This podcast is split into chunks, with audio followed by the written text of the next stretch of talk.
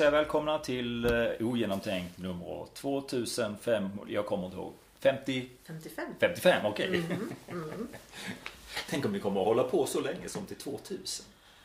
Ja, det är lite svårt att tänka sig. Jag Ja, tror, jag tror att vi får öka takten. va? Ja, vi får, får nog göra det. Eller köra dem kortare och många, många, många fler. Ja, men det tycker jag nästan är lite fusk. Det Vi pratade ju lite om Joe Rogan sist. Eh, Ja, det gjorde vi nog. Eh, Och han har ju gjort nästan 2000 avsnitt. Otroligt. Ja, det är faktiskt. Och de är ju långa. Det är ju mellan tre och fyra timmar. Ja, kör han dagligen då eller? Ja, jag undrar om de inte till och med kör två per dag. Oj, oj, oj. Eller åtminstone dagligen. Wow, Mm. otroligt. Hur kan man ha så mycket att säga? Ja, det är ju faktiskt förvånande. Ja, Otroligt, ja. ja. Hur mår du då? jag mår bra. Mm. Jag mår eh, bra. Mm. Det är lite vår tycker jag i luften. Ja, precis. Eh, Ja, det är soligt och fint. eh, Och eh, ja, med lite snöväder, eller vad ska jag säga. Snön ligger i alla fall. Det har snöat men det smälter, det är lite dagsmeja. Ja. Mm. Jag tycker ju för övrigt att det är lite roligt just med årstider. För jag skulle ju vilja, alltså man pratar ju om de, de fyra årstiderna. Ja. Men jag skulle ju egentligen vilja göra ett tillägg Mm. med förändringen.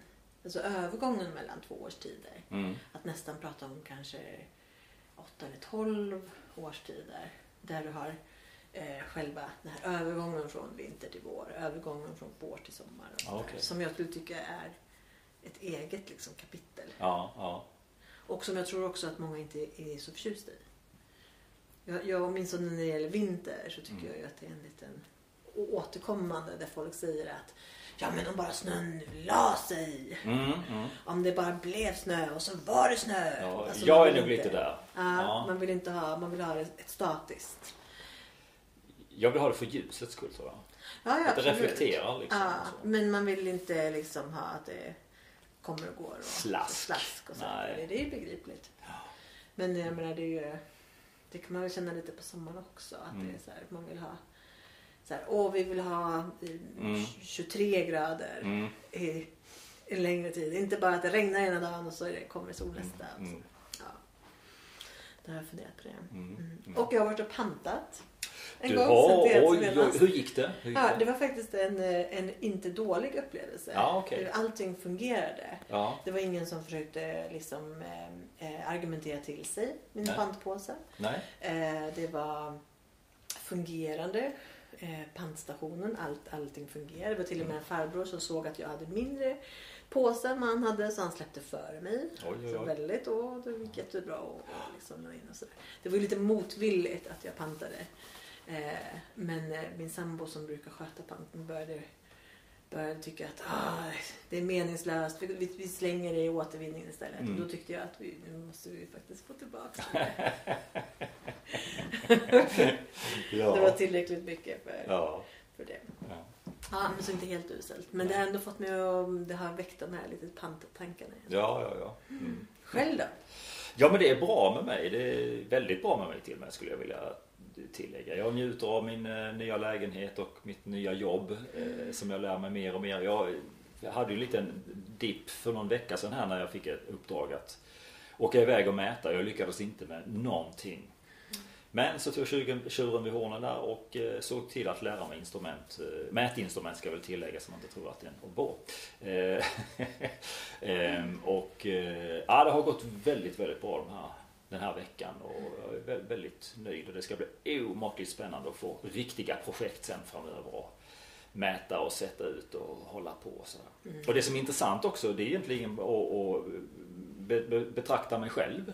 Hurdan jag är i och liksom vad vill jag ha alla lediga timmar till? Och som vi har varit inne på sömnen till exempel. Den tänker jag väldigt mycket på så jag lägger mig väldigt tidigt ju. För jag vill ha de där timmarna. För att sen när väl helgen kommer då vill jag faktiskt ha mina timmar för mig själv så att säga. Så att jag inte tar, om jag nu skulle vara, vara trött så att säga, så att jag sover i kapp eller någonting sånt där. Utan jag vill faktiskt vara aktiv med, med mina eh, drömmar och passioner. Som att sitta och skriva till exempel eller eh, studera eh, eh, språk eller vad det nu är för någonting som jag mer vill göra. Ja, jag gjorde Gå och göra en- body balance till exempel som, Ja. som jag gjorde igår. Ja, jag tog faktiskt en sovmorgon i torsdags. Mm. Eh, för att jag kände att det behövdes. Mm. Och också att jag då har möjligheten att påverka det, timmarna på starttid på jobbet. Liksom. Mm. Mm. Men att jag kände att eh, det är nog mer värt för mig idag att sova en timme extra på morgonen och sen jobba lite längre Mm. på dagen. Mm. Ja, det, det är ju liksom där att, att upptäcka vad är det jag vill ha eller Mm. hur vill jag att det ska fungera. Ja, men jag tror också att acceptera vissa saker. För jag vill ju egentligen, jag vill ju hellre börja, börja jobba strax före åtta och kunna gå hem strax före fem. Mm. Det, det tycker jag ju bättre om och jag tycker också att man får en bättre upplevelse för att det är lugnare att åka kollektivtrafik när man åker tidigt. Mm. Om jag då istället tar sovmorgon en timme Mm. så blir det mycket stökigare att ta sig till jobbet. Ja, det. det blir inte en lika bra upplevelse. Nej. Ehm, Så att för mig är det ju motstånd att, att göra det. Det är inte någonting som, som jag gör för, för, att, för skojs skull utan då för att, Mm. eh, att jag känner att nej men nu, nu behöver jag prioritera upp sömnen. Ja. Ehm, för jag, är för, jag känner, känner att jag är för trött liksom, Mm. på, på dagtid. Mm. Så att nu behöver jag sova lite extra och sen så får jag acceptera att det, det blir en obekväm resa till jobbet. Mm. Och jag, det skjuter lite på arbetstiden som jag inte vill ha det. Mm. Men, men att kunna vara den flex, flexibla. Det, Mm. det, jag kan ju gilla att vara lite fyrkantig så att det, Mm. det, där har jag lite att träna på. Ja men det har jag nog upptäckt lite eh, samma. Att jag, jag eh, kommer nog hellre tidigt till jobbet. Och kommer hem lite tidigare också för den delen. Mm. Men eh, ja, vi får se. Det, det, det beror kommer ju bero på mina projekt hur de, det- ser ut liksom. Är det en vanlig byggarbetsplats, ja då blir det ju att börja tidigt också och komma hem lite tidigare. Mm. Mm. Såvida man inte jobbar in timmar på fredagen som man åker tidigare på fredagarna. Men det får vi se. Mm. Ingen aning vad som händer i framtiden. Ja, det Spännande blir det. Ja, det känns riktigt spännande faktiskt. Men vi ska hälsa välkomna till Ogenomtänkt. Ja, det ska vi. Ja, Tanja Arlod och Niklas Agnesmed som sitter här. Vi har haft det lite lugnt ett tag. Mm. Men det känns som att det finns eh, mycket att prata om. Det tycker jag det finns varenda gång. Liksom. Mm. Eller, jag menar, har ju gått liksom några veckor här och, och tänkt. Och, ja, men det känns alltid eh, väldigt naturligt att träffas och Mm. Prata. Är det okej att jag börjar idag? Ja, det är det. Ja. För jag tänkte faktiskt eh, jag tänkte, eh, återvända lite till ett tidigare ämne. Mm. Och börja med nästan lite, det är lite pretto-varning, lite pretentiöst. Okej. Men jag, Ja, alltså när vi har talats vid och du Mm. skrev i smset där att du var eh, taggad så tänkte jag nej, nu har hon jobbat ordentligt här så att eh, ja, det, det är pretto fall kanske kommer väl till pass, jag vet inte. Ja, men det är i alla fall att julen har snurrat väldigt mycket. Jag vet inte om det Jag skulle nästan vilja sä- säga mer att det är iakttagelser än att det är någonting som vad vi land, vad, se vart vi landar i det här. Ja, ja. Du får gärna bryta in så mycket som möjligt. Men Ja. jag tänkte börja med att läsa en dikt. Oj. Mm. Så att jag, den kommer Har du skrivit den själv?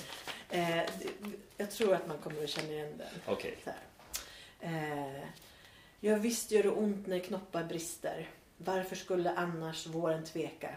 Varför skulle all vår heta längtan bindas i det frusna, bitterbleka? Höljet var ju knoppen hela vintern. Vad är det för nytt som tär och spränger? Ja, visst gör det ont när knoppar brister. Ont för det som växer och det som stänger. Ja, nog är det svårt när droppar faller. Skälvande av ängslan, tungt de hänger. Klamrar sig vid kvisten, sväller, glider. Tyngden drar dem neråt, hur de klänger. Svårt att vara oviss, rädd och delad. Svårt att känna djupet, dra och kalla. Ändå sitta kvar och bara darra. Svårt att vilja stanna och vilja falla. Då, när det är värst och inget hjälper, brister som i jubel trädets knoppar. Då, när ingen rädsla längre håller, faller i ett glitter kvistens droppar. Glömmer att de skrämdes av det nya. Glömmer att de ängslades för färden. Känner en sekund sin största trygghet. Vilar i den tillit, i den tillit som skapar världen. Ja, och det är ju då Karin Boye. Det är Karin Boye och Karin vilken Boye. tur att du inte bad mig läsa för jag blev väldigt tagen. Ja. väldigt gripen så jag skulle knappt ta mig igenom den.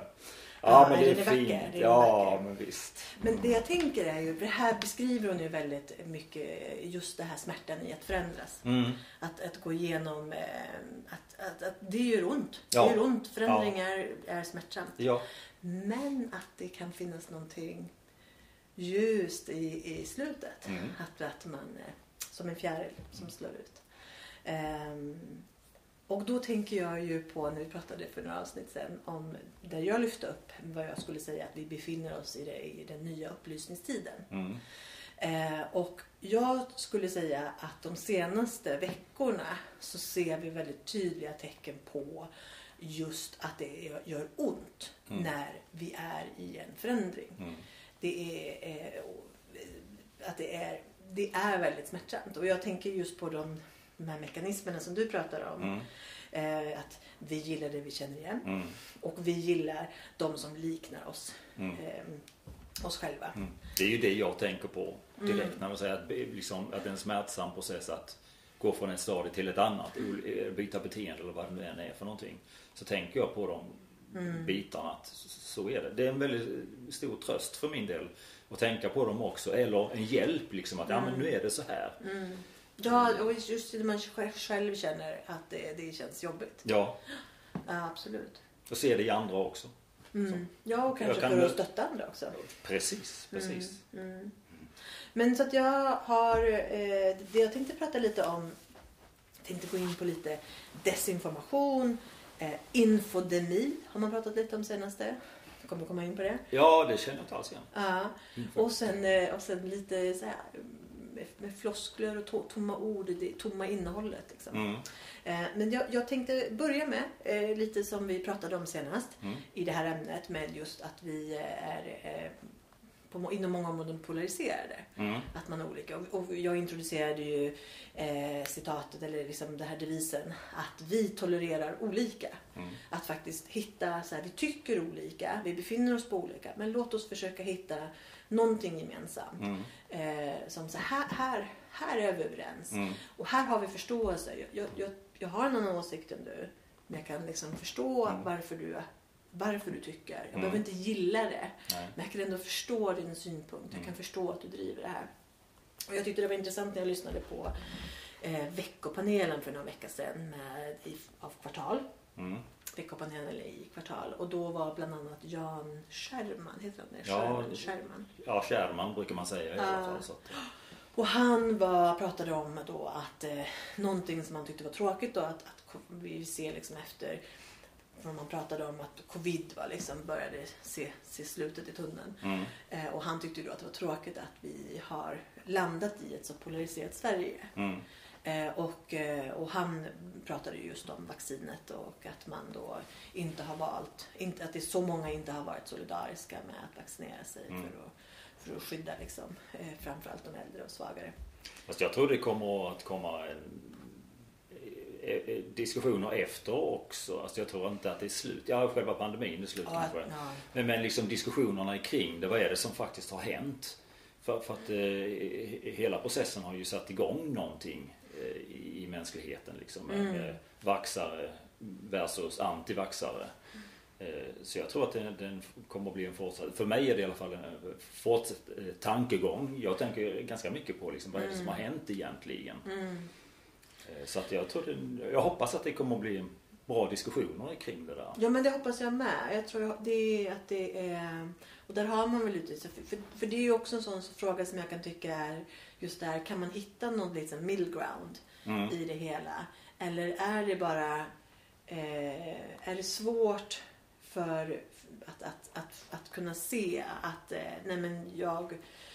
Eh, jag tycker inte att jag behöver det här och jag tänker inte göra det. Jag tänker inte låta min kropp vara ett instrument för Mm. samhället. Mm. Ehm, och, och hur går det att liksom ha en förståelse för det eller är det tycker man att det, det du gör är en självisk akt utan Mm. det, det där borde du ehm, ställa dig liksom Mm, till mm. förfogande. Har jag pratat om rätten att bli sjuk?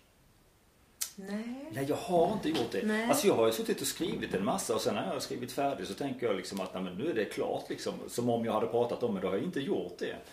Jag För tror att- faktiskt inte det. Nej, för att där pratar jag om, eh, jag vet inte, jag, jag kanske har lagt den som blogg. Jag börjar bli dement här också. Nej, skitsamma. Men där Ja, men då, pratar kan jag man, om... då kan man säga att man kan gå till din sida? Ja, det kan man göra. Niklasagnesmed.se det på bloggen där. Och gå gärna in på material också. Där finns lite trevligt material som jag är väldigt stolt över. Mm. Eh, Men då, då tänkte jag på det här med, med följare versus ledare. Eh, Milgrams experiment har jag väl pratat om, eller? Inte det heller. Nej, igen det. nej okej. det är, eh, Milgram skapade ett experiment som handlade om en auktoritet som skulle stötta en, en det var det här elektriska experimentet. Hur, hur förklarar man det? Är det med tåget eller nej? Nej, det är det inte, nej, det är inte tåget. Nej. Mm. Utan det är liksom ett experiment. Det finns alltså en ledare, det finns en arbetare och det finns försökspersoner då. Försökspersonerna ska besvara frågor.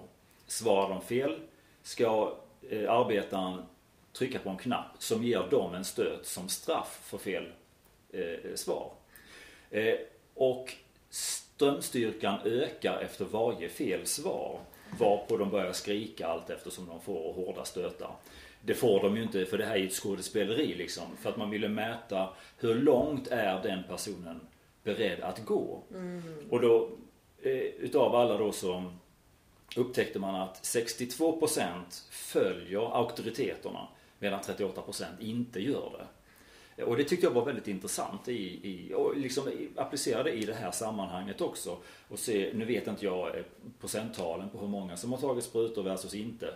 Eh, Men det är intressant ändå Det att se att vart man är 62, någonstans, men ja men I precis. Sverige så är det väl om, alltså, en bra bit över 80 Ja men precis, jag tror det är högre där. Men jag tyckte det var intressant liksom hur, hur denna auktoritet också stöttar liksom att eh, hela tiden fortsätta den här processen. Eh, och då har jag haft det, det exemplet i, i just det här med, med om vi har rätt att få lov att bli sjuka eller inte eller hur vi ska hantera eh, eller hur vi beter oss rent psykologiskt. Mm. Så att eh, ja. Mm. Ja, det är intressant. Mm. Ja, och jag tänkte... När man då pratar, för för jag tänker att när det gäller polarisering så tycker ju inte Mm. jag att nödvändigtvis att problemet är att folk tycker olika. Utan problemet är att vi inte kan samexistera Ja, när vi ja tycker precis. olika. precis. Och då kommer jag in lite på konsensus. Mm.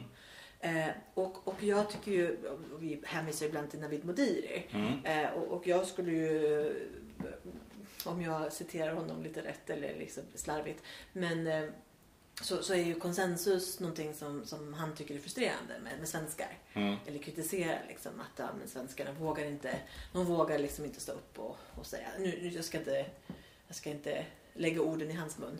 Eh, Nej. Men det är någonting som förekommer lite då och då, att man irriterar sig på att svenskar är så konsensuskrävande Mm. och att alla ska liksom vara överens och så vidare. Är konsensus någon slags motsats till eh, eh, eh, tappade jag ordet, det ordet du sa innan.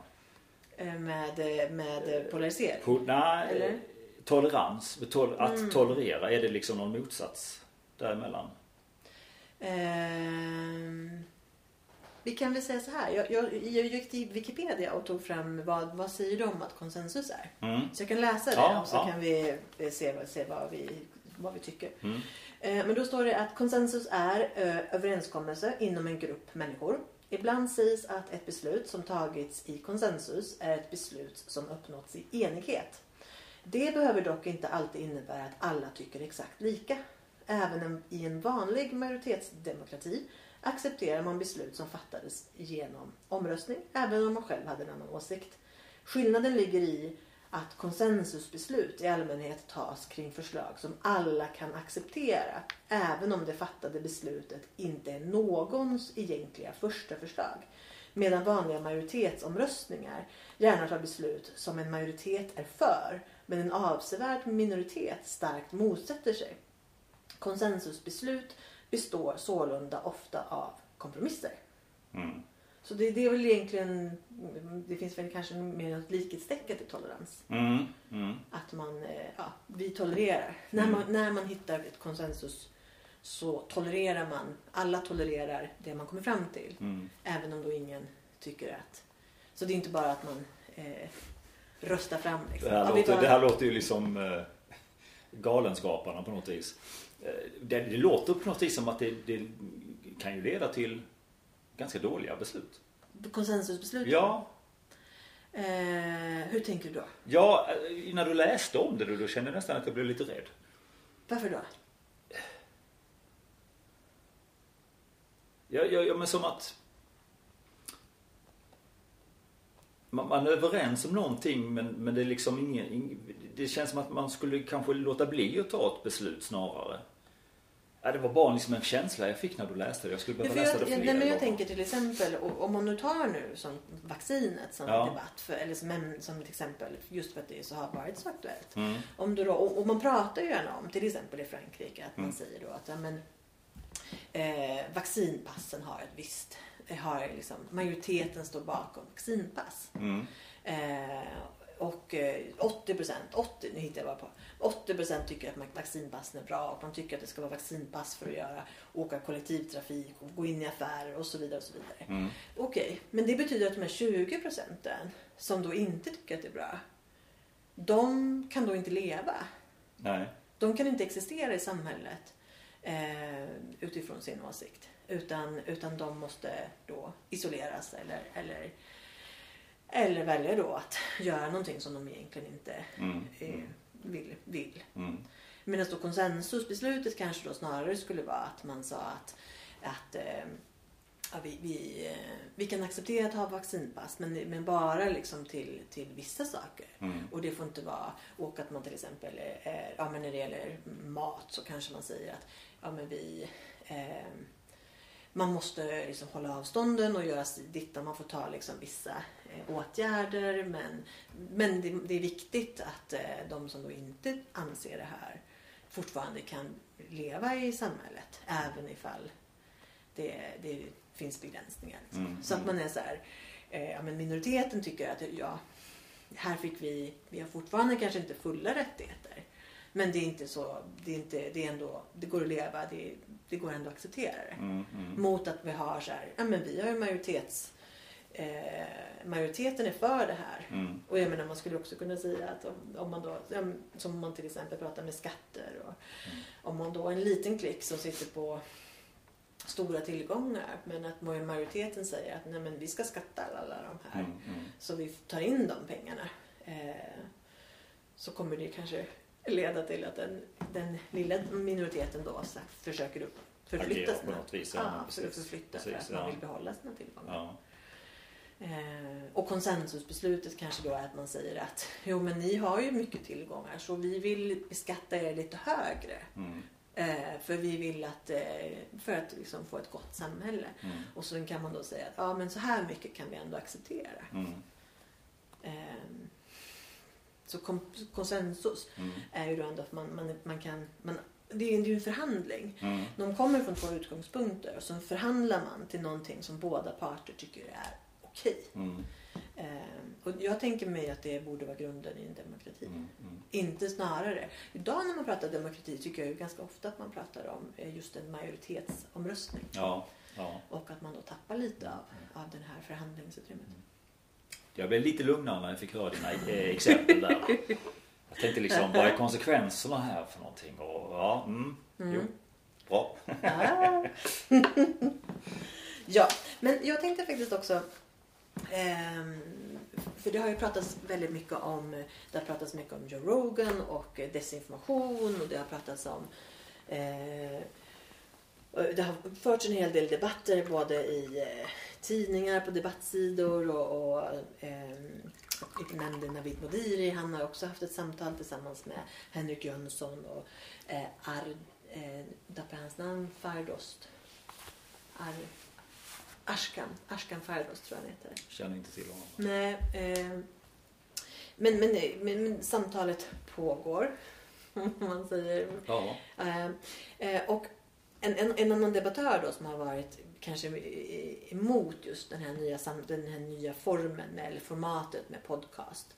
Eh, så en debattör där från Expressen har ju varit eh, Viktor Malm. Och jag, vi, jag tror att jag nämnde honom i ett tidigare avsnitt när vi eh, kom in på detta för att han det, var, det här handlade också om vaccinvägrarna och att eh, eh, det fanns då på Svenska Dagbladet, de, de följde upp olika eller intervjuade olika personer som var emot att vaccinera sig.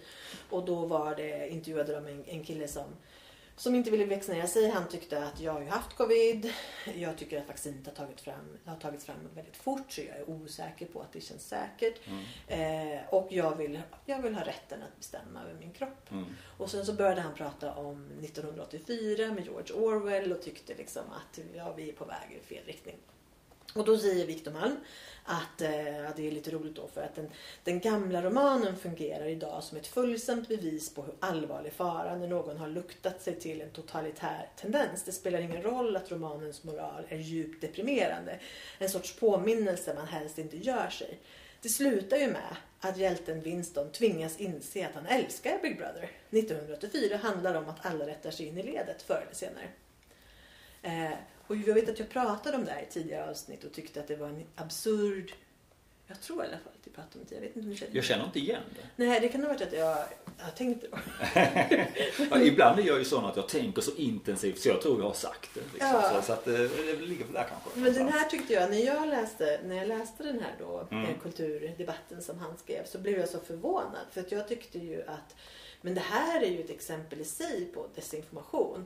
Att man tar en välkänd bok och sen ändrar man slutet. Mm. Eh, men sen så gick jag tillbaks nu nyligen då och läste slutet. Och läser man det väldigt bokstavligt så är det ju exakt så den slutar. Mm. Att eh, hjälten då, eller hjälten, det är svårt att säga, kalla honom för hjälten, men huvudpersonen. Att han, eh, han försöker ju starta en motståndsrörelse, eller han deltar i en motståndsrörelse och han fångas in och han torteras. Tills han till slut namnger eh, den kvinnan som han då dejtar och som, som Mm, han har mm. liksom, agerat i motståndsrörelsen mot. Han, han namnger henne och liksom, Mm. för, att, för att undgå att bli torterad. Mm. Och sen så slutar ju som sagt boken med att han, att han, att han kommer till någon form av eh, som så här, nej men, eh, någon form av han landar liksom i att jag, jag, jag accepterar och, och älskar eh, Big Brother och, Mm, och den mm. här staten, partiet liksom. Eh, men, men, men jag tycker, för mig känns det ganska uppenbart att det här är, det är ju någonting som eh, det, det kommer ju inte från hans inre. Det är Nej. inte hans sanna jag. Nej. Utan det här, är ju- det här är ju någonting som han då har, man har pressat in honom i en form. Mm. Och han har eh, hjärntvättats att, eh, att känna den här eh, alltså lojaliteten då Mm. mot partiet. Jag tänker också att han gör det för att undvika smärta. Ja, och då är det också att om, om man då sant går in, om man då känner en sann kärlek så kommer du ju inte då kommer du inte kliva utanför. Nej. Så att du riskerar det. Så det ja. Ja, men menar du då att han inte älskade sin, sin dejt? Nej, det, de hade väl inte kommit så långt heller. Men, men det var väl någonstans så... Eh, nej, och det tror jag att han, de, de träffas ju eh, också Mm. där. Och eh, båda liksom har, har, säger ju liksom att nej men jag förrådde dig. Liksom. Mm. För någonstans är ju eh, tortyr är ju någonting som... Att tortera med en människa så kan man få dem att göra vad som helst. Ja, precis. Att man är inte, eh, de flesta är inte mer sanna mot en annan eller mer lojala än så. Utan. Nej. Men så ordagrant så får man ju då säga att ja, han, han, det slutar med att han, att han älskar liksom, partiet. Men det är då efter, efter en viss tortyr. Ehm, men jag tänkte, jag tänkte använda eh, lite den här George Orwell som lite inramning för, Ja. för det här fortsätta nu. Så Mm. jag har plockat fram några, några citat av honom Mm. som jag tänkte samla in ihop lite in, in Mm. under. Så då är det första citatet här och det är ju från då boken 1984. Mm. Men där han säger But if thought corrupts language, language can also corrupt thought. Mm. Så är det ju. Mm. Coachen nickar. Mm. Absolut. Ja, och jag tänker att det finns några tydliga exempel här. Vi pratade precis lite innan. Mm. Men just när man har lagt till det pronomet hen Mm. och en. Mm. Ehm, att man då... Eh, finns det ett djup i det? Att man faktiskt... Är det bara ett ord som vi har lagt till för att liksom skapa någon form av... Eh, man, man behöver inte ens prata om inkludering utan att man pratar om att här hade vi en lucka i språket. Mm. Om man till exempel säger att eh, man vet inte. Vi vill kunna ha ett ord som beskriver en hon eller han fast neutralt. För Mm. vi vet inte om det är en hon eller han. Mm. Och därför så säger man att ja, men det fanns en lucka så vi har skapat ett ord för att fylla en lucka, ett Mm. behov. Mm.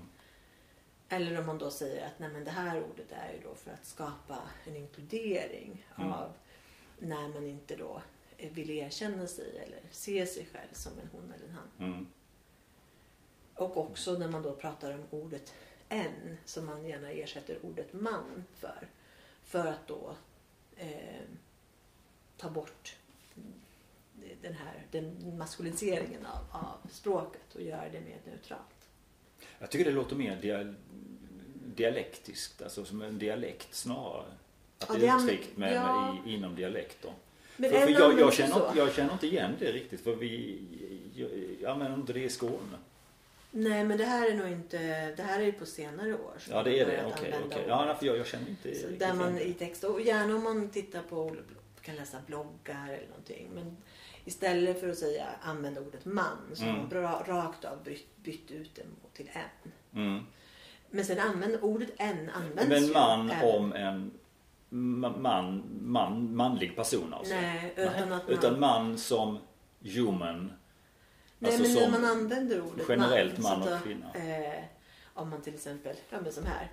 Eh, om en istället pratar om. Eh, om, om, man, om man tycker så här. Mm. Om en tycker så här. Ja okej. Så det är ju en, eh, en direkt utbyte. Man vill inte använda ordet man. Man Okej. är ju överhuvudtaget när man säger, när man säger. Eh, det, det används ju så i talspråk. Mm. Och ganska ofta uppenbarligen nu när jag sitter och pratar så Mm. använder jag det hela tiden. Mm. Eh, men att, Därför jag tänker på så gör man inte. Och det är ju bara en generalisering utav både män och kvinnor.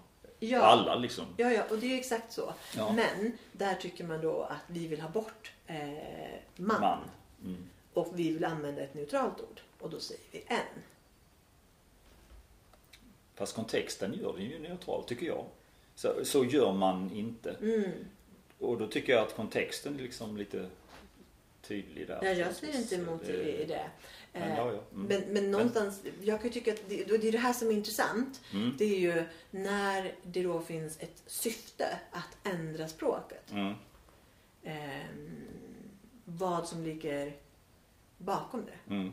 Vad är det för syfte till att man vill ändra språket? Det är spännande. Och om man då vill ändra språket, handlar det även om att man vill förändra en, en, hur, hur människor tänker Mm. i den förlängningen? Mm. Ja, nej men precis. Eh, När du nämnde citatet där så tänker jag liksom på de mantran vi har för oss själva eller eh, vad heter det mer? Eh, Ja, det kommer jag inte på. Men, men ord vi upprepar för oss själva och, och sådär och hurdant det formar oss. Mm. Jag har ju bara lagt märke till mina egna tankar liksom om mig själv. Liksom, att jag ofta kan ha sagt att jag är värdelös till exempel. För att när jag inte har lyckats med vad jag har tänkt och sådär. Eh, Och hur det formar mig, jag menar det gör mig inte särskilt glad. Nej. Eh, Så att då har jag liksom fått vända på steken. Att så fort jag säger det till mig att jag är värdelös. Då måste jag nämna tre personer som jag är värdefull för. Och det förändrar ju hela känslan. Verkligen hela känslan. Eh, Det det har inte riktigt med samma sak att göra men, jo, men det är precis det skulle jag det- säga. Det är ju att man, och, det är ju som man kan använda det liksom för gott. Ja, För det go, för, för liksom i, Ja, i ett, ja, men i ett positivt syfte. För Precis, att man precis. själv kan göra det till en själv. Till en själv. ja. Där till en du, själv. Ja, ja, okej. men där har du ja ju just där, det. Just där det. har man ju hur, hur det ordet används. Ja, okej. Eh, och det används ju även dialektalt skulle jag säga, precis som du säger. Ja, för det är där jag För- känner igen det ifrån. Ja. Ja, mm. Ja, och jag tror det, det är inte så... Jag tror att den har slunkit in mer än vad, än vad eh, hen har gjort. För Mm. hen är det nog fler som reagerar lite Ja, starkare på precis. för att det är ett helt nytt ord. ja. Eh, men, men en används också. Mm. Det är så på en lite motsvarande. ja. Det finns en parallell där. Eh, fast vad skulle jag säga? Vi var inne på... Jo, men att man använder det till, till någonting bra. Mm. Just det här att genom att använda ett visst språk Mm. så kan man forma hur man själv tänker. Ja. Men genom att då, en- att då tvinga någon annan att Mm. använda ett visst språk Mm. så kommer det väl sannolikt också kunna påverka hur den personen tänker. Ja. Så om man till exempel då säger att ehm, du måste använda ordet hen. Mm. Ehm, så vad, hur påverkar det din, din tankeställning? Mm. Jo men så kommer det absolut att vara. Eh, sån påverkan. Även att påverka att ta bort saker och ting. Mm. Eh, så att det, det är absolut så. Eh, vad jag vet, utan att ha riktigt bra exempel, så använde nazisterna det under, under sin regeringsperiod. Att man, man, ja, en, en sak, man förbjöd att prata om känslor till exempel. Mhm. Ehm, Så barnen fick inte lov att prata om känslor i skolan alls. Eh, Och det formar ju dem att inte prata om känslor. Att kunna uttrycka vad det är jag känner och behöver. Utan de skulle bara uppfostras till att göra det auktoriteten sa. Eh, Så det var väl en sån sak då. Alltså har jag inte mer exempel då. Mm, mm. Nej, men jag tycker överhuvudtaget att just det, den här kontroll. Ja. Att det handlar om kontroll. Mm. Att kontrollera. Mm. Och då tänker jag då backar jag lite till det här samtalet som jag lyssnade på med Henry med Hur kan vi? Där Ja. de pratar om Joe Rogan och eh, desinformation och Mm. den debatten med, med Spotify som, har, som har Mm. varit den senaste Mm. eh, tiden. Och ehm, det jag tyckte var, det Henrik Jönsson bland annat sa då var att eh, om man ogillar den, här kategorin, liksom, man ogillar att det har kommit poddar där folk kan sitta och samtala och nå ut till massor av människor. Man Mm. ogillar, ogillar det här. Mm. Så, så sa han att jag ser det då som att det finns, man kan dela in de personerna i två grupper. Eh, Okej. Dels de då som vill kunna kontrollera vad andra tänker. Mm. Det vill säga genom tidningar, TV, olika massmedier och Mm. sådär.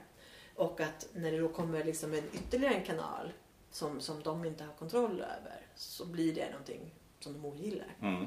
Sen den andra kategorin det är då människor som ogillar att de måste tänka själva. Mm. Att de själva måste vara, vara kritiska Mm. eh, och fundera över vad som är. Mm. Och det, jag kan nog känna att det finns liksom någonting i det. En tanke Mm. som är lite att grunna på. Mm. Det ligger någonting i det. Eh, och jag tyckte också det var lite, lite just i det här med att prata om den nya upplysningen som jag vill backa, som jag vill liksom backa till med. Så tycker jag ju att det är intressant just hur, hur, hur möter vi att det finns liksom nya kanaler, att det är fler som, som kommer till tals och att det är, det är också tillgängligt på ett annat sätt och du kan ta till dig information på ett annat sätt. Mm. Eh, och jag läste en liten, en liten eh, intervju med en kvinna som då är barnmorska. Och som jag, tyckte, som jag reagerade lite på för att de pratade om covid och vaccin. Mm. Det här har varit väldigt i ropet nu de senaste tiden att, att det är många, vacciner, eller många gravida kvinnor som inte har vaccinerat sig. Mm. Eh, och man har gått ganska hårt på en informationskampanj som för att, Mm. eller kampanj är fel att säga, men det har varit mycket information kring just att Mm. gravida inte är, är vaccinerade och att de är tillhör en riskgrupp Mm. och att de, man, man bör vaccinera sig. Mm. Och då skriver den här när de då intervjuar henne om olika myter då när det gäller ehm, ehm, graviditet då och eh, det var inte bara vaccination utan men det här var en av dem. Mm. Och, men det jag tyckte var lite roligt, eller intressant var ju då att hon, när de introducerar henne så beskriver de att ja men den här kvinnan hon jobbar som barnmorska och hon har också ett Instagramkonto där hon liksom vill nå ut till olika, olika gravida kvinnor. Liksom. Och hon Mm. brinner för pedagogisk information och hon vill skapa trygghet runt graviditeten. Mm. Det låter ju väldigt positivt. Absolut. Eh, men sen så då när hon pratar om då covid och vaccin och graviditet så säger hon att det finns, ingenting, det finns inget som påvisar att det på något sätt skulle vara farligt att vaccinera sig. Tvärtom. Att välja spekulationer framför den faktiska risken som riskgrupp dessutom tycker jag är ett djärvt drag. Det är bra att förhålla sig källkritisk men det är anmärkningsvärt att inte lita på den evidens som finns. Numera, numera har gemene novisa kvinna ansett sig blivit experter inom området. Så får man ändå se det när man väljer att avstå från de faktiska experternas rekommendationer. Mm.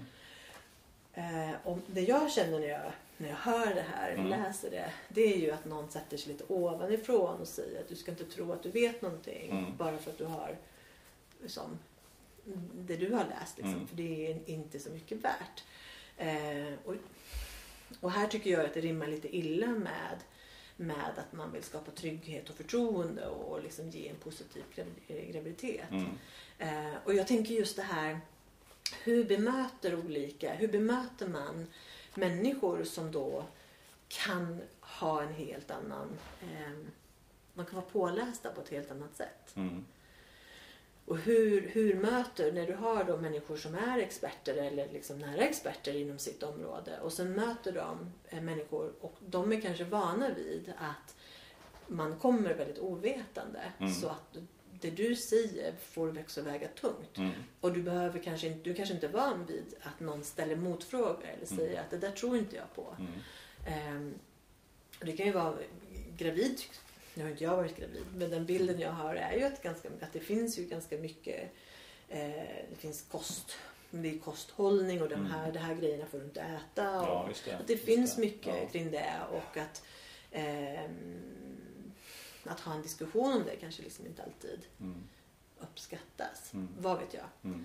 Ehm, men, eh, men, men jag kan tycka att i den här nya tiden som vi Mm. då är i upplysningen så måste man kanske ta åt sig som, som då vårdnadshavare eller som, som expert att man, här, om du möter en person så kan du inte eller det kanske inte är det bästa sättet att förhålla sig. Att säga att jag är minsann här uppe Mm. eh, på en hög nivå och när jag säger någonting så förväntar jag mig att eh, du liksom Mm. eh, bort, eller så be, be, böjer dig och tar emot den Mm. informationen och säger att ja, jag gör som du säger för du har naturligtvis rätt. Mm. Utan att man faktiskt säger, när en person då kommer och säger att jag känner mig orolig för att vaccinera mig. Mm. Det, jag, jag är rädd för att det ska komma biverkningar. Eh, och jag har läst det här och det här. Mm. Eh, I det här läget så kanske man då behöver ha en annan approach Mm. än att man, att man försöker liksom trycka tillbaks det. Mm. Ehm, och jag tror att det kan vara i ganska många sammanhang. Mm. Jag tänker nog lite generellt att de har inte dementerat så mycket utav, av det här som har pågått vid sidan av och det som många har lyssnat på. Eh, jag tänkte på, på det här med månlandningen när det nu var 67. Eh, då har det gått mycket konspirationsteorier kring det hela.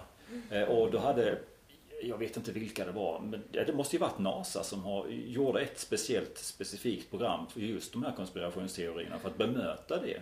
Och det tyckte jag de gjorde jättebra. Eh, f- För det tog bort udden utav väldigt mycket som, som pågick. Eh, Och det tänker jag liksom att det borde de ha anammat här också under den här perioden med, under pandemin. Att faktiskt gå ut med och säga att så här och så här säger de och vi säger så här. Att vara tydlig med det.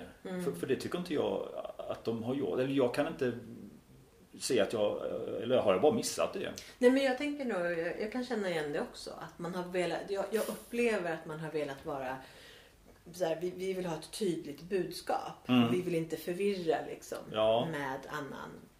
Så vi väljer bara att inte, inte diskutera liksom, det andra överhuvudtaget. Ja.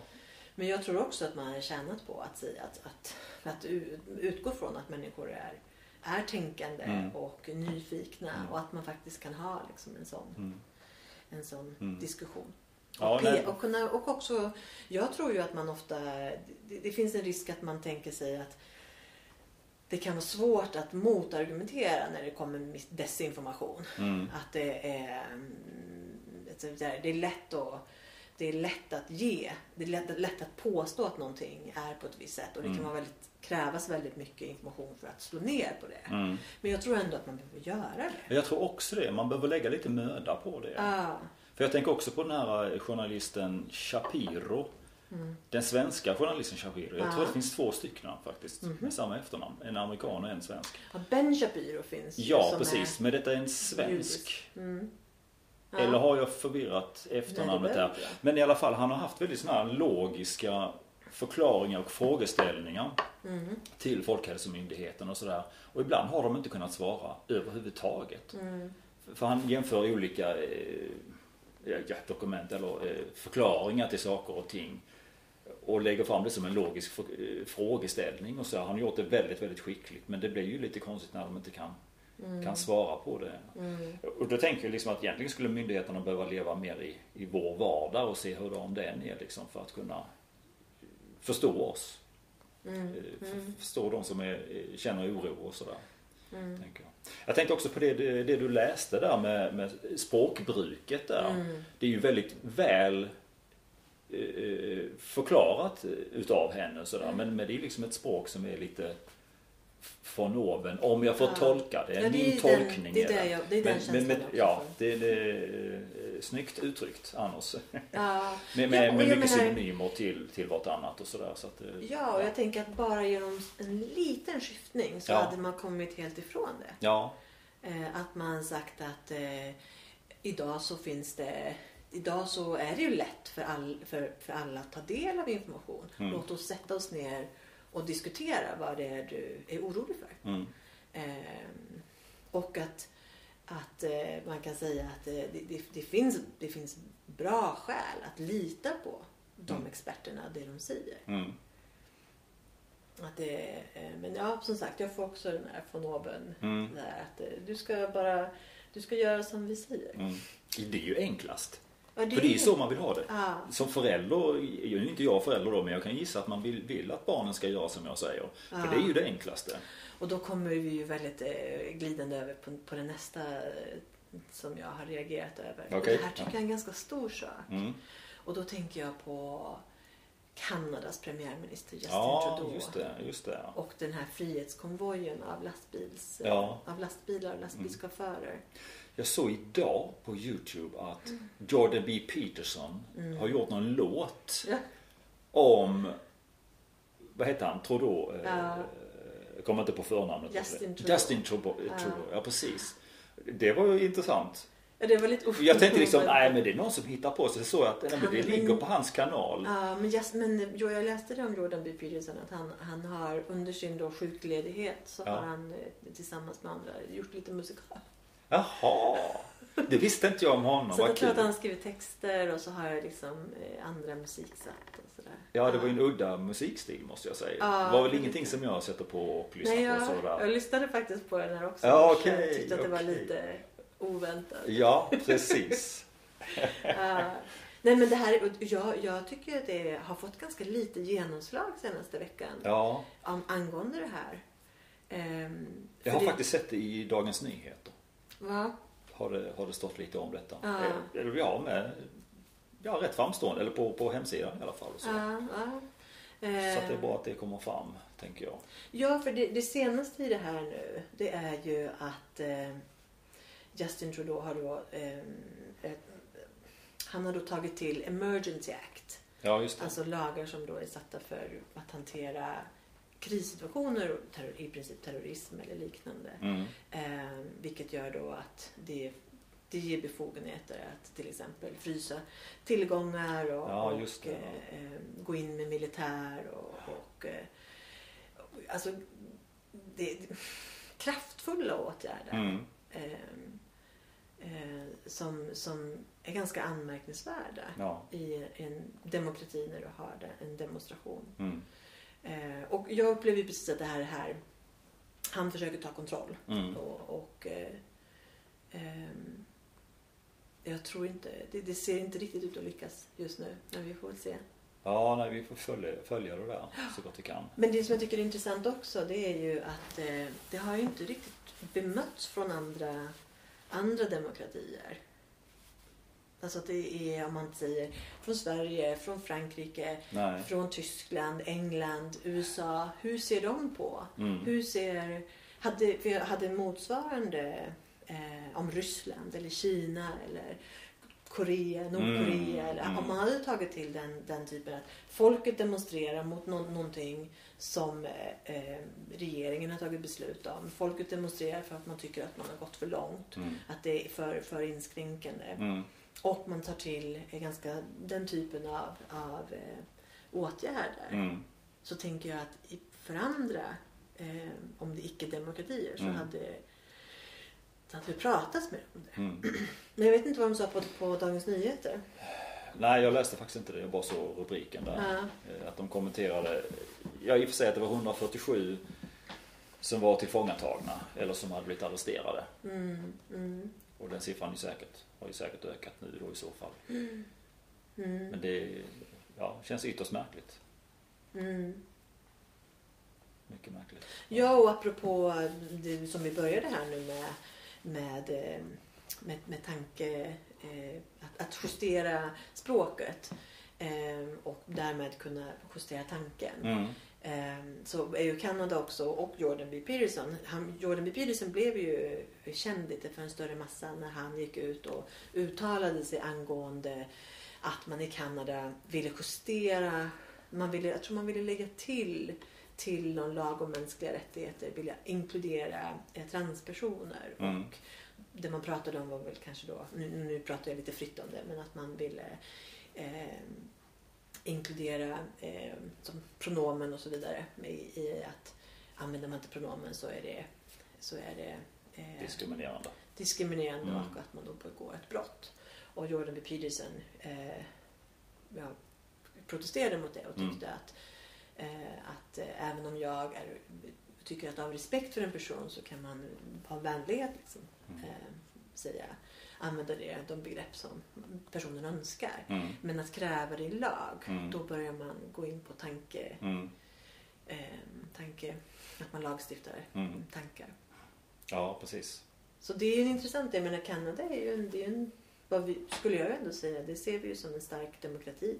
Ja. Eh, så att jag tycker ju att det är, det är in, intressant och förvånande Mm. med det som, det som sker nu. Mm. Och som sagt, det ska bli väldigt intressant att se hur det utvecklar sig. Mm. Mm. Mm. Mm. Men då, då poppar jag på mitt eh, nästa citat där. Mm. Eh, In a time of deceit, telling the truth is a revolutionary act. En gång till. In a time of deceit, Mm. telling the truth is a revolutionary act. Ja. Eh, och där tänker jag ju lite, vi var inne på det tidigare när vi pratade om tror jag Jan Eliasson. Eh, för han sa att vad gör vi för att liksom värna om demokratier? Jo men vi måste vakta sanningen. Vi måste vara noggranna med vad som är fake news och vad som är att eh, vara noggranna med det. Mm. Och, och där jag kan tycka så här, ja men det finns ju en risk där att man fastnar i att, att och då med polarisering, men att man har, man, man ser sanningen är två olika saker. Det som är sant för mig är inte sant för en annan. Mm. Så att man, eh, det börjar bli, sanningen blir relativ. Ja, och hur man uttrycker det också. För där tänker jag liksom med, med det exemplet som jag har haft någon gång, hur vi uttrycker oss med våra sinnen och sådär. Eh, jag menar att det går tre personer på en konsert så kommer de med, med olika eh, eh, dominanta sinnen. Mm. Att den som har synintrycket kommer ju att kommentera fyrverkeriet och, och ljussättningen väldigt mycket och den som är kinestet, alltså känslomässig, kommer ju att känna basdunket eller trumdunket i Mm. bröstet och den som lyssnar kommer ju att kommentera synthesizerns häftiga ljud eller elgitarristens. eh, Så man kommer ju plocka ut av en helhet så plockar man ut det som appellerar till en själv. Liksom. Mm, ja, och då kan man naturligtvis också ha en väldigt olika bild av hur, Ja, hur eh, bra det var. ja. Ja. Så hur är sanningen? Ja, den kommer att uttryckas på lite olika sätt. Ja. ja, och då blir det ju intressant också när, när, när man då har, ja, ja, men det är lite min bild av Joe Rogan att han gärna eh, pratar om att man är på jakten efter sanningen och vill, Mm. vill gräva ner sig i olika ämnen och Mm. prata och eh, sådär. Och då är, ehm, dels så tycker jag, tänker jag då att men det är inte helt oproblematiskt med vad, vad, är, vad är sanning. Mm. Eh, men sen tänker jag också som just det här att det är att, eh, ja, att, det, att, det, att det är provocerande att säga någonting som då den personen bekräftas eller upplever är sant. Mm. Mm.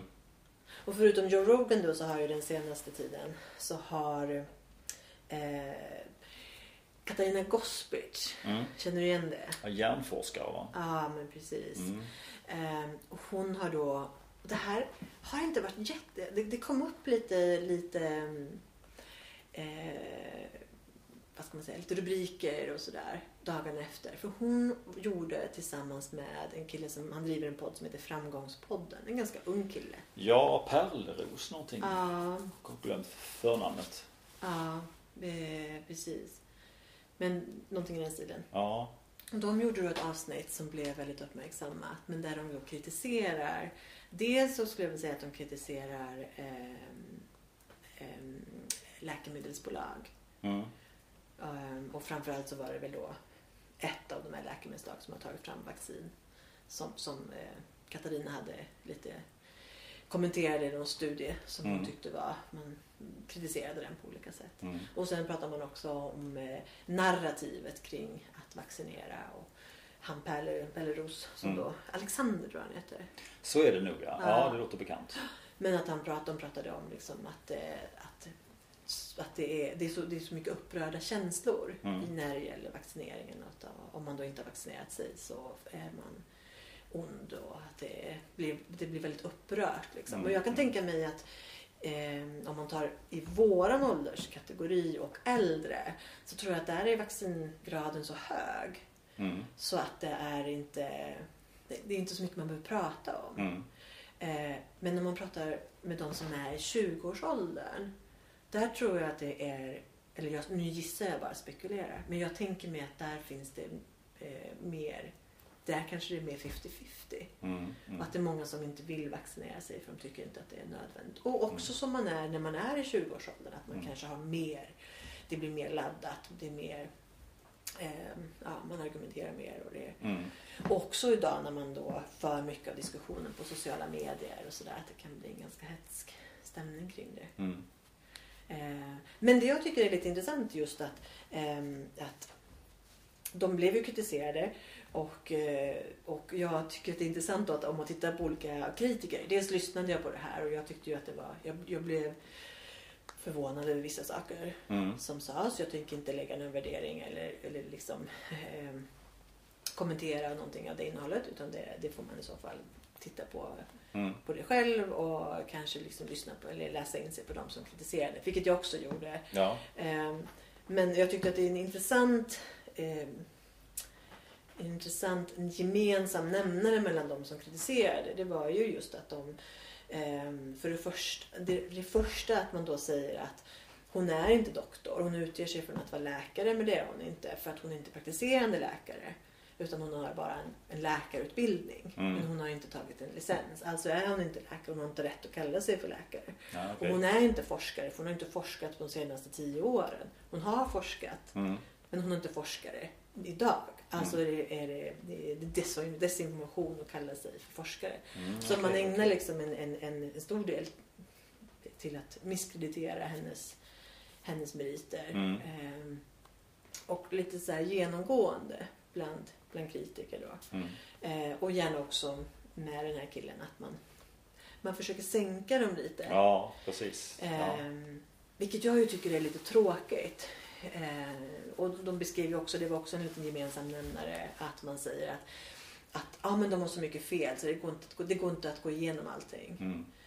Nej men så må det ju vara. Mm. Men de stora bitarna kan man ju ändå uppenbarligen gå igenom. Mm. Eh, Men när man, när man utgår från en sån sak, då handlar det ju också om att man, man lägger ju mycket värdering i det Mm. redan från början. Och de, de uttryckte specifikt i det här programmet så pratar de ju just om det här man kallas för vax- antivaxare och, och foliehatt. Och, Mm. Där de specifikt sa att, tyckte att vi hoppas ju på, att en, på en debatt där man inte tar till sådana Ja. begrepp. Ja. Men det gjorde man direkt. Ehm, ja, för att det är så de har gjort så länge. Så de kan inte göra någonting annat med att göra på det viset. Ja. Jag, jag tror tyvärr att det är ett beteende som har satt sig.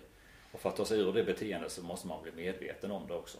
Men jag tror också att det är smärtsamt just det här som är den här förändringen. Ja, ja. Så att man, eh, det, det, det, det blir när, för, för det jag tycker är lite intressant det är ju just att de här två personerna gör ju väldigt bra ifrån sig i sina områden. Mm, Den här killen som driver den här podcasten. mm, Han har, han har ju flera liksom lukrativa samarbeten med olika annonsörer. mm, Och hon, har ju, hon, hon är ju en återkommande gäst på SVT och olika. Ja, hon föreläser och Mm. har liksom sitt företag. Jag tänker mig att de har absolut ingenting att vinna på att gå ut och kritisera vaccin och Sveriges valda metod och sådär. mm, mm, Utan de tar ju de, tar ju egentligen bara en risk. mm. Jag, jag, jag skulle ju vara krass och säga att det, att det var mer dumdristigt än, än modigt. Mm. Men någonstans får, tänker jag att, eh, oavsett om de då har rätt eller fel, Mm. eh, så måste de ju vara övertygade Mm. om att det här behöver komma ut Mm. och att det är värt att ta den risken. Mm. Och det tycker jag är lite fascinerande. Men också tänker jag just ett tecken på att vi är i den nya upplysningen. Mm. Folk vill inte längre vara tysta och Nej. man har liksom sprängt upp det lite så att det är, det är mer, folk är mer beredda att ta risken. Mm. Och det tycker jag, det i sig tycker jag är spännande. Mm. Och Men det är att- liksom att leva sina värderingar också. Ha Ja. höga värderingar och leva dem. Eh, För det är en konststycke i sig själv liksom, att Mm. göra det verkligen. Jag menar för Mm. att, för att i många människor de, de har ju ett jobb som de går till, tjänar pengar och betalar sina räkningar. Och det är man ju väldigt beroende utav. Och där i leva sina värderingar och kanske säga upp sig eller bli uppsagd. Ja, förlora, förlora Ja, exakt, exakt. Så att eh, det, det är sådana människor jag ser upp till som, som gör så verkligen. Och jag gör allt vad jag kan för att leva upp till, till mina värderingar Mm. också. Och sen men jag tänker, och och det sa ju Henrik Jönsson också när de hade den här debatten. Så sa han ju att vad jag vet så finns det ingen lag emot att eh, säga saker som är fel. Nej, Det finns inget som förbjuder det. nej. Och det finns ingen lag som förbjuder att eh, vara vulgär. Utan man får ha fel och man får vara vul- vulgär. Ja. Eh, och sen så får ju andra bemöta det. Mm. Och det, kan, det gör ju folk med den äran. Mm. Men, och det kan, men, men jag hoppas ju lite på att vi kan komma till att man, att man kan vara lite bara man kan, vara, man kan skippa det här eh, nedvärderande. Eh, för det, personligen så gör ju det. Eh, om någon skriver på det, introducerar på sättet. Jag tycker att det speglar tillbaks på dem själva. Att det är så här, ah, nu tar de till det greppet. Mm. Det, för mig så gör ju det att det misskrediterar snarare motdebattören. Ja. För jag tycker att det är ett trist grepp. ja. Det är så Eh. vanligt grepp nu för tiden. Ja, det är lite det också. Och det säger faktiskt Henrik, han, när det gäller Joe Rogan till exempel så då är det ju så här, 270 experter har gått skrivit liksom till Spotify ett öppet brev där, där de kritiserar varför att han desinformerar. Mm. Och då kommenterade Henrik Jönsson också och sa att för att de pratade om att de här experterna minsann inte var så mycket experter. i Mm. Alltså så här, ja, men de, de var experter i områden som inte alls hade liksom med, med eh, vaccin eller någonting att göra. Mm. Och då var Henrik Jönsson direkt och sa att men det spelar ingen roll. Eh, det, det, man, det är inte intressant om de är experter eller inte. De måste ju få liksom och det är jättebra att de kritiserar. De Mm. får absolut gå ut och kritisera. Mm. Men det spelar ingen roll om de, vad de är experter i. Vi behöver inte gå och säga så här, ja men de här experterna kritiserar Joe Rogan. Och då måste man direkt för att försvara Joe Rogan Mm. misskreditera experterna. Mm. Då gör man ju samma sak. Ja, det har man. Ja, jag, hade, jag tyckte att det, han gjorde det. Han hade många intressanta Mm. eh, comebacks där, Henrik Jönsson. I den. Mm. Bara av den anledningen kan det ju vara lite värt att lyssna. Mm. Mm. Ska jag komma in på inf- infodemin? Ja, för Mm. det, ja. Japp. Eh, och då, då, då, har jag, då, då hade jag också ett litet citat från Orwell med eh, If liberty means anything at all, it means the right to tell people what they do not want to hear. Och det känns ju också som att det hänger upp lite med den här desinformationen som vi precis pratade om. Mm. Att faktiskt ha rätt och eh, frihet, den här liberala frihetsprincipen att man faktiskt får säga saker som folk inte gillar. Mm. Det är inte mot lagen att, att eh, ha fel Nej. eller vara vulgär. Men, men infodemi, jag läste då en, en, det var en kille från Expo som hade skrivit eh, angående att WHO har gått ut och sagt att i spår, eller liksom i, i slutvågen här med pandemin så har det kommit otroligt mycket konspirationsteorier Mm. eh, som, som folk skapar. Och eh, man skrev eh, att det finns en bakomliggande elit. Eh, och de uttryckte liksom att eh, steget här, om, om, om, om det börjar finnas sådana här konspirationsteorier, att det finns en elit Mm. som har liksom dragit igång det här med, de har startat, de kanske till och med skapat pandemin och de, hade, de ligger bakom vaccinet och jag vet inte allt vad de skulle. Eh, och att de då menade att här är steget kort till antisemitism. Mm. Ehm, jag ser kanske inte helt det steget. Alltså... Eh, Nej, du ser frågande ut. Ja, alltså väldigt frågande ut. Vadå? Är, skulle judarna vara inblandade här nu eller? Ja, nej, det sa de ju egentligen inte. Men det de sa var att, att konspiration, det finns konspirationsteorier Ja. som säger att det finns en bakomliggande elit som, som typ driver någonting. Ja, Allting uttrycktes lite vagt Ja. upplevde jag i den här artikeln. ja, Men man var då tyckte att, att om vi inte trycker ner de här konspirationsteorierna så Mm. finns det en risk för att, att eh, ja, men pratar man om en bakomliggande elit då kommer folk att dra parallellen till antisemitism. jaha okej. Okej, Så det var som en parallell liknelse? Ja, eller att steget efter. Om Ja. vi har tagit det här steget så kommer nästa steg vara att man säger, man säger att det finns en elit som ligger bakom det här. Det finns en samhällselit som ligger bakom. Mm. Nästa steg är att säga att det är judar. Eh, Okej. jag tyckte det var, för mig kändes det inte helt eh, Jag blev, nej, jag blev lite Och förvånad. det är kanske därför också jag förklarar det så dåligt. Ja, nej, men jag tror jag, jag, jag, tror jag, ja, men jag tror jag förstår. Men, men eh, ja, ja, ja okej. Ja, för det den här killen då tyckte var ju att eh, han hade en liten lista där han tyckte att vi måste vara vaksamma liksom, på konspirationsteorier. Vi måste ha argument för att liksom, producera så här. Mm, Vi mm. måste ge skolorna, måste, alltså lärare och skolor måste ha verktyg för att liksom, hantera elever med konspirationsteorier Mm. och så vidare. Mm. Eh, men, men jag tänker lite där att, för, för det jag upplevde det var ju också att man försöker piska upp lite rädsla Ja. I det hela när man uttrycker sig så. Och jag tycker att man känner, tänker att, för jag tror absolut att det kan finnas mycket, och det är lite det som du var inne på tidigare, att om du hör att det rasslar i en buske, Ja. då vill du förstå vad det var. Ja. Ehm, och att det är liksom en anledning till att man, Mm. man, försöker, man försöker lägga ett pussel och se Ja. hur det hänger ihop. Och så varf, varför ser det ut så här? Mm. Och jag menar, jag sa i senaste avsnittet att jag känner att jag, att jag, jag gillar inte att jag har börjat jag, jag börjat känna att jag, jag har börjat nosa liksom på, på konspirationsteorier. Mm.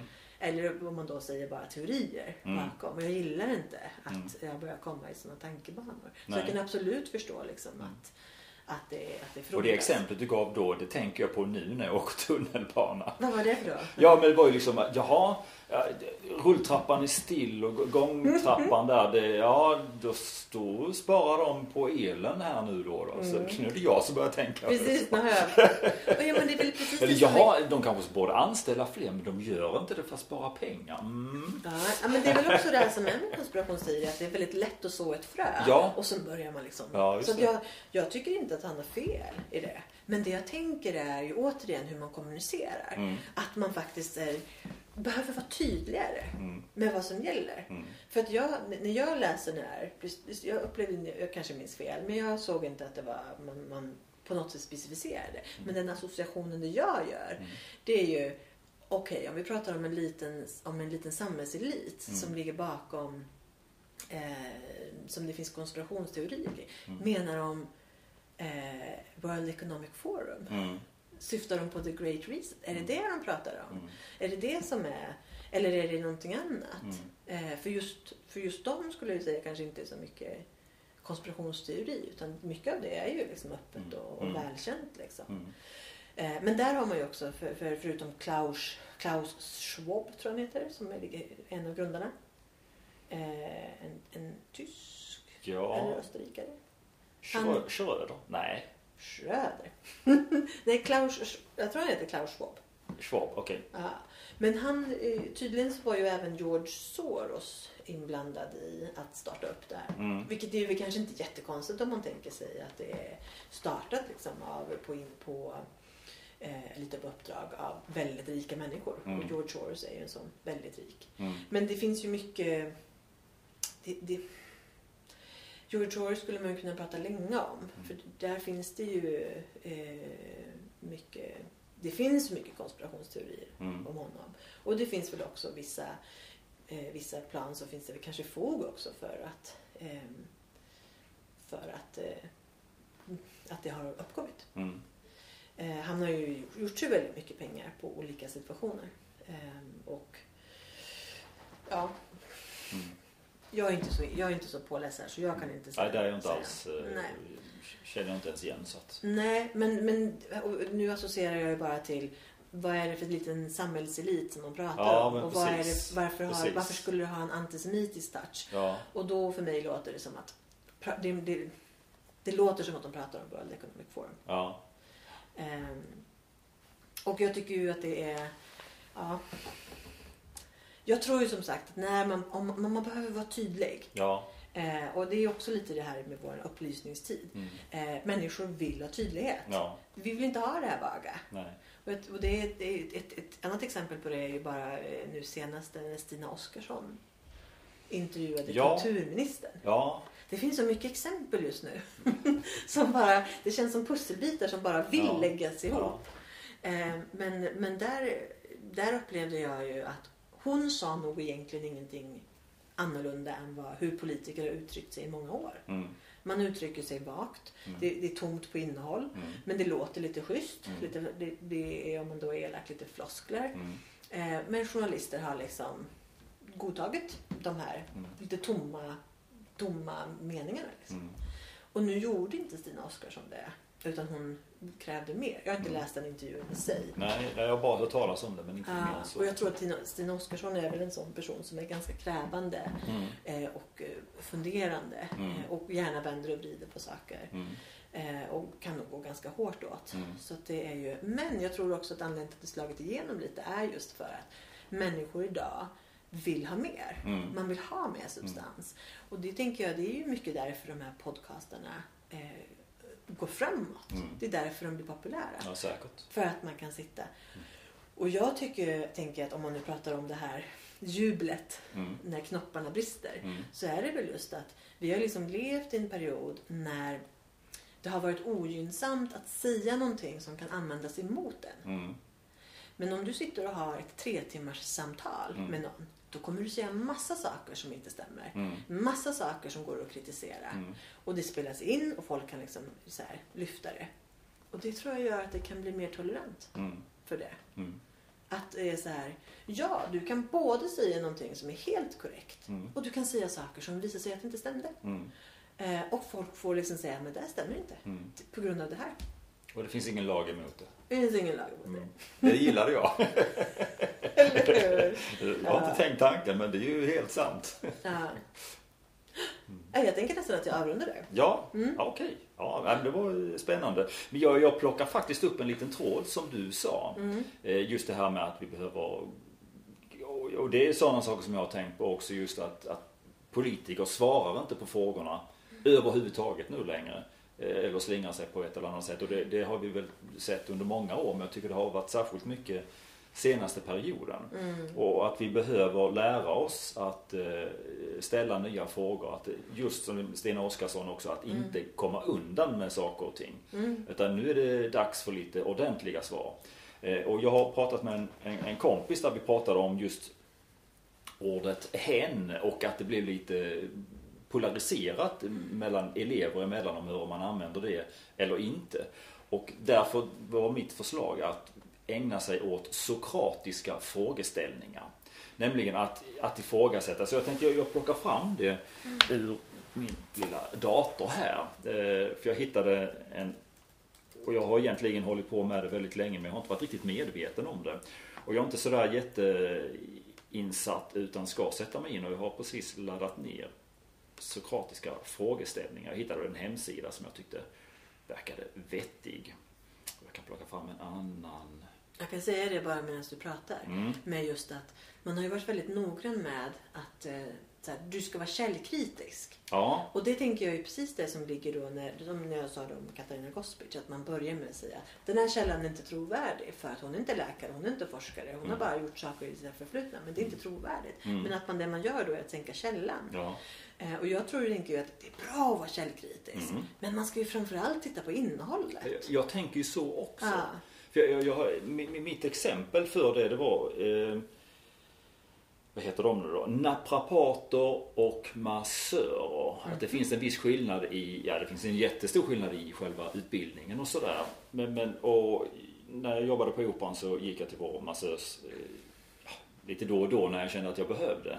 Och ibland så har jag liksom kunnat vara stel i nacken och då behöver jag ha någon som kan knäcka den. Mm. Och det, massöser får kanske egentligen inte göra det eller ska ens kunna det utan de ska liksom bara ägna sig åt själva musk, ja, precis, muskulaturen.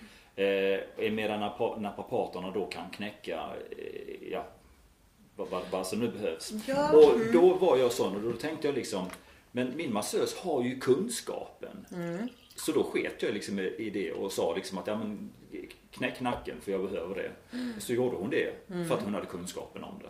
Och där brydde jag mig liksom inte om titlarna eller utbildningarna utan vad är det du kan för någonting? Det är det som är det intressanta för mig. Mm. Så det gjorde hon. Sen var det lite kul med henne också. Var, hon var från Finland. En riktig, eh, alltså hon hade muskler. Och ibland provocerade jag henne och sa, ja men du är så mesig och då tog hon i. så att jag skrek. Det var alltid lite kul att retas lite med henne. Ja det var väldigt bra, det var väldigt kul. Ja nej men så, så att, eh, vad kan de? Det tycker jag är det intressanta. Mm. Ja, och jag- och det är ju också det som jag tycker är just med upplysningstiden. Att, Mm. att det måste kunna mötas liksom. Ja. Du har experter och så har du folk som är pålästa. Ja. Och att man faktiskt kan säga så här, ah, du har läst lite. För, för det är så mycket information som är tillgänglig för alla. Och man behöver kanske inte heller sätta sig och liksom, utan det, det finns sådana som har brutit ner det och gjort, gör att ja, men jag har tagit till mig den här stora textmassan och sen så har jag liksom, dra, liksom så kan jag förkorta ner det liksom och, och, och, och ta det på ett sätt så att du får en förenklad bild som kan vara, som, som jag, jag menar förhoppningsvis är helt korrekt. Ja, Eh, Så att du kan ta till dig saker på ett helt annat sätt och du kan göra det snabbare. För du kan inte, om alla ska sätta sig och läsa de här jättetunga liksom, textmassorna och dra slutsatser Ja, själva. ja. Det har man inte tid med. Nej. Så att vi, kan ju, vi kan ju komma till en helt ny, och jag menar man kan ju få ett mycket mer intressant samtal. Och det är det jag tänker mig som den här barnmorskan till exempel. Det kommer en person och säger, jag har läst det här och det här. Okej, låt oss sätta oss och prata om det. Så kan jag förklara. För förhoppningsvis så kan ju hon då lyfta till en högre nivå. Och säga liksom så här, ja men det är så här och så här. Och, det, kräver, det kommer ju kräva mer. Men bara att det kan bli mer intressant och det kanske kommer snäppet närmare Och det kan också. hjälpa i flera led också. Jag menar om man sjuksköterskan pratar med den mamman så kommer den mamman att prata med sina, sin bekantskapskrets. Mm. Ja. Liksom. Så att den informationen kommer ju ta en annan väg. så Ja, säga, ta, också. ta människorna och deras, den kunskapen de har på allvar. Ja, men och inte bara säga, ja du någon sorts eh, så här, ja du har läst på, du har sett, ett- du har sett ett klipp på Youtube och nu tror du att du är expert. Mm. Utan så här, okej du har sett någonting, Mm. låt oss prata liksom om, om det. Mm. Och det tänkte jag med, med klimatexperten Elsa Widding. Hon, SVT hade ju ägnat en kvart åt henne på någon, eller tio minuter åtminstone. Eh, Hon har gjort, då hade hon väl gjort kanske en 30 program på Youtube, halvtimmes långa program. Eh, Och SVT kritiserade det hon hade fel på. Och det var väl ungefär en sak, eller ett par saker på de, eh, alla de programmen. Eh, och då hackar man ner bara på det. Men vad är det mer hon för fram för någonting som kan vara värt att lyssna på? Eh, nu anmäler hon tillbaka också så att nu, eh, ja, vad som har hänt där sen dess det vet jag inte. Men, Ja, det, men- det är mycket sånt där. eh, Ja, och det blir ju precis det här som jag tänker att, att eh, du kan säga liksom 90% kan vara helt korrekt och sen så är det någonting som visar sig att det inte stämde. Mm. Och då, då ska ju vi gemensamt liksom kunna liksom lyfta det. Ja. Men det behöver inte betyda att eh, det, allt det här andra, det bet, alltså att du säger en sak som är fel betyder ju inte att allt annat är fel. Mm. Nej. Och det betyder inte att, att vi helt måste förkasta liksom, eh, allt du säger Mm, och säga att du ska ju överhuvudtaget inte existera i det här samtalet för att du har ju uppenbarligen haft fel i ett, Mm. Ja ett men exakt. tillfälle. exakt. Ja då eh, går ju mina tankar till politikerna och sådär. Men jag tänker väl det ägnar vi oss inte åt. Utan nu går vi över till sokratiska frågeställningar. Ja. Och de sokratiska frågeställningarna, eller det var ju Sokrates som eh, uppfann då den här metoden då som jag inte riktigt nu kommer att kunna förklara. Utan jag kan ju se vad frågeställningarna ger. Men det var så att han, han ifrågasatte politikerna i Aten, tror jag det var. Eh, så pass att han blev eh, avrättad för dem. Han fick ta en giftbägare helt enkelt. Och han var helt, helt cool med det faktiskt. Eh, men han hade liksom, han har inte skrivit ner någonting själv så att det, allting är via Platon då som man får lära, lära sig att läsa om då. då. Och det, jag tycker det är väldigt intressant just sättet som sägs då att han, han genomförde då med just ifrågasättande. Mm. Eh, och eh, jag tar och läser lite grann här. Det här är då 14 stycken som ska vi se, smartutbildning.se har gett ut en pdf då, då. Och det finns säkert, eller jag vet att det finns ganska så mycket mer att läsa om det. Jag har inte hunnit igenom det. Eh, det var till en senare podd, men nu när vi ändå pratade om det så tyckte jag att det var lite väl värt att eh, ta, ta till sig de här frågorna. Så fråga 1 är då för att ifrågasätta dem. Hur skulle någon annan se på det här? Det kan man ju ta vilket ämne som helst och någon som tycker någonting väldigt, väldigt starkt. Att, att försöka sätta sig in i den andras perspektiv. Eh, ja, det handlar ju om att skifta perspektiv. Eh, eller vad är det värsta som kan hända? Eh, skulle du överleva det? Ja, de här frågorna hänger ju inte ihop uppenbarligen. Men, men det är också ett sätt att, att se på det. Jag har fått de frågorna vid, vid tillfällen där de faktiskt inte funkade. Det handlade om när jag var personlig assistent och fick frågan vad är det värsta som skulle kunna hända? Och det är liksom att min brukare dör mm. på grund av någonting. Skulle du överleva det? Ja, jo, jag skulle det. Men det skulle vara smärtsamt. Mm. Eh, och i det läget så, så, var det liksom saker och ting som kunde ske på liv och död. Mm. Ja, men det är, väl, det är väl också värt? Ja, absolut. Alltså, även där blir ju frågeställningen relevant. Ja, men precis. Jo, man blir medveten om eh, eh relationen eller eh, situationen. Det blir man. Finns det något mer nyanserat sätt att se det på? Något positivt, något negativt. Det är en bra fråga det också. Vad skulle det innebära för dig om det verkligen är som du tänker och tror? Mm. Nej, men det är, det är som jag tänker och tror. Så är det.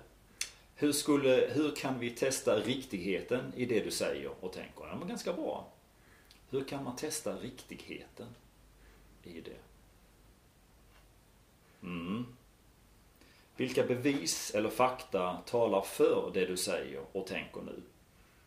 Respektive emot det du säger och tänker.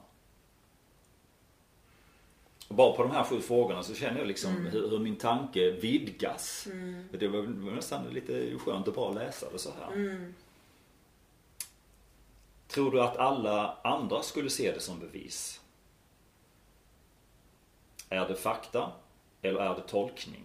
Ah, den är ju bra. Ja, den är ju väldigt det, det, det väldigt tänker relevant. jag ofta på, liksom, hur mycket vi tolkar saker och ting. Mm, och vinklar och... Ja. Och lägger in värderande ord i meningar. Ja. Och, jag läser ju mycket, jag gör rubriker i, det är ungefär så jag börjar min dag. Liksom. Eh, sätter på lite musik, kaffe, en macka och sen så läser jag rubrikerna i tidningarna mm. och sådär. Det är väl dags att börja prenumerera kanske också på någonting. Mm. Eh, och, och då, då, tänker jag liksom på vilka som är neutrala och objektiva till att de faktiskt inte riktigt är det för att man stoppar in ett värderande ord i det. Där tror jag också ganska ofta att, att just för det är, ju, det är ju inte artikelförfattarna som, som själva sätter Nej, det är det inte. Det, är det, det inte tror jag kan vara en, en miss. Att man ja. många gånger så vill man ha en laddad rubrik. Ja. Och att det då det sätter tonen för texten och författaren har inte valt den själv. Nej. Det är, det är intressant för jag har inte, mm. det har jag vetat men jag har inte tänkt på det. Mm. Mm. det är helt sant ju. Mm. Ja, jag tror inte att det nödvändigtvis gynnar varken läsaren eller författaren. Nej, nej men precis. Kanske precis. inte rubriksättaren heller. Men, mm. Nej. Fråga 10 här då, då. Finns det något annat sätt att se på saken? Mm, där har vi ju den här polariseringen. Ja. Mm. På vilket sätt påverkas du av den här tanken? Hur påverkas dina känslor? Är tanken hjälpsam för dig eller hindrar den dig att uppnå mål? Hur kan vi förstå att du tänker och tror så här? Jag tar den en gång till. Hur kan vi förstå att du tänker och tror så här? Mm. Det manar ju till att verkligen kunna förklara sig. Mm, Tänka igenom och få alla de här perspektiven som man har läst igenom. Hur tänker du om ditt sätt att tänka?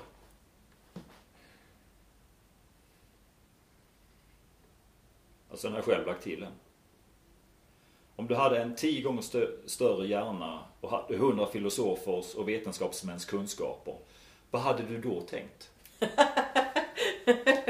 Det är till att vidga hjärnan. ja, ja.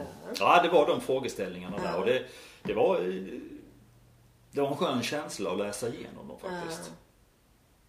Ja, men, och det är precis det där om man då pratar om att lärarna behöver verktyg för Mm. att möta elever med konspirationsteorier. Ja, Varsågod. det är ju detta. Det är ju detta. Ja. Nej, men jag, för jag känner liksom under, under tiden vi sitter och pratar här så blir jag ju likadan. Mm. Alltså att jag reagerar på någonting eh, och tycker att nej, så tycker inte jag. Och, Mm. och så, så det var liksom Ja, det var nästan en eh, meditation det här. Mm. För att bryta ner de här tankegångarna som är väldigt enkelspåriga och enkelriktiga. Riktade. Mm. Kanske göra om det här till en slags meditation. Läsa den dagligen. Ja, läs. Ja, varför inte? Se vad som händer. Ja, nej men, men jag tror jag, jag eh, håller det här faktiskt. Och, Ja. och. Jag, jag tänkte säga bara med ehm, någonting som jag tycker är, och, och som också liksom, jag tycker liksom lite ligger i samma, samma sfär som den här eh, den, den nya upplysningstiden. Mm. För jag, utan att dra någon parallell till någonting annat, men om man just tittar på då Kanada Mm. och hur de har, de har dragit hårt just det här med vaccin, eh, vaccin att man vill ha eh, för, för det är ju hög, det är ju naturligtvis även där en hög andel som har, som har vaccinerat sig.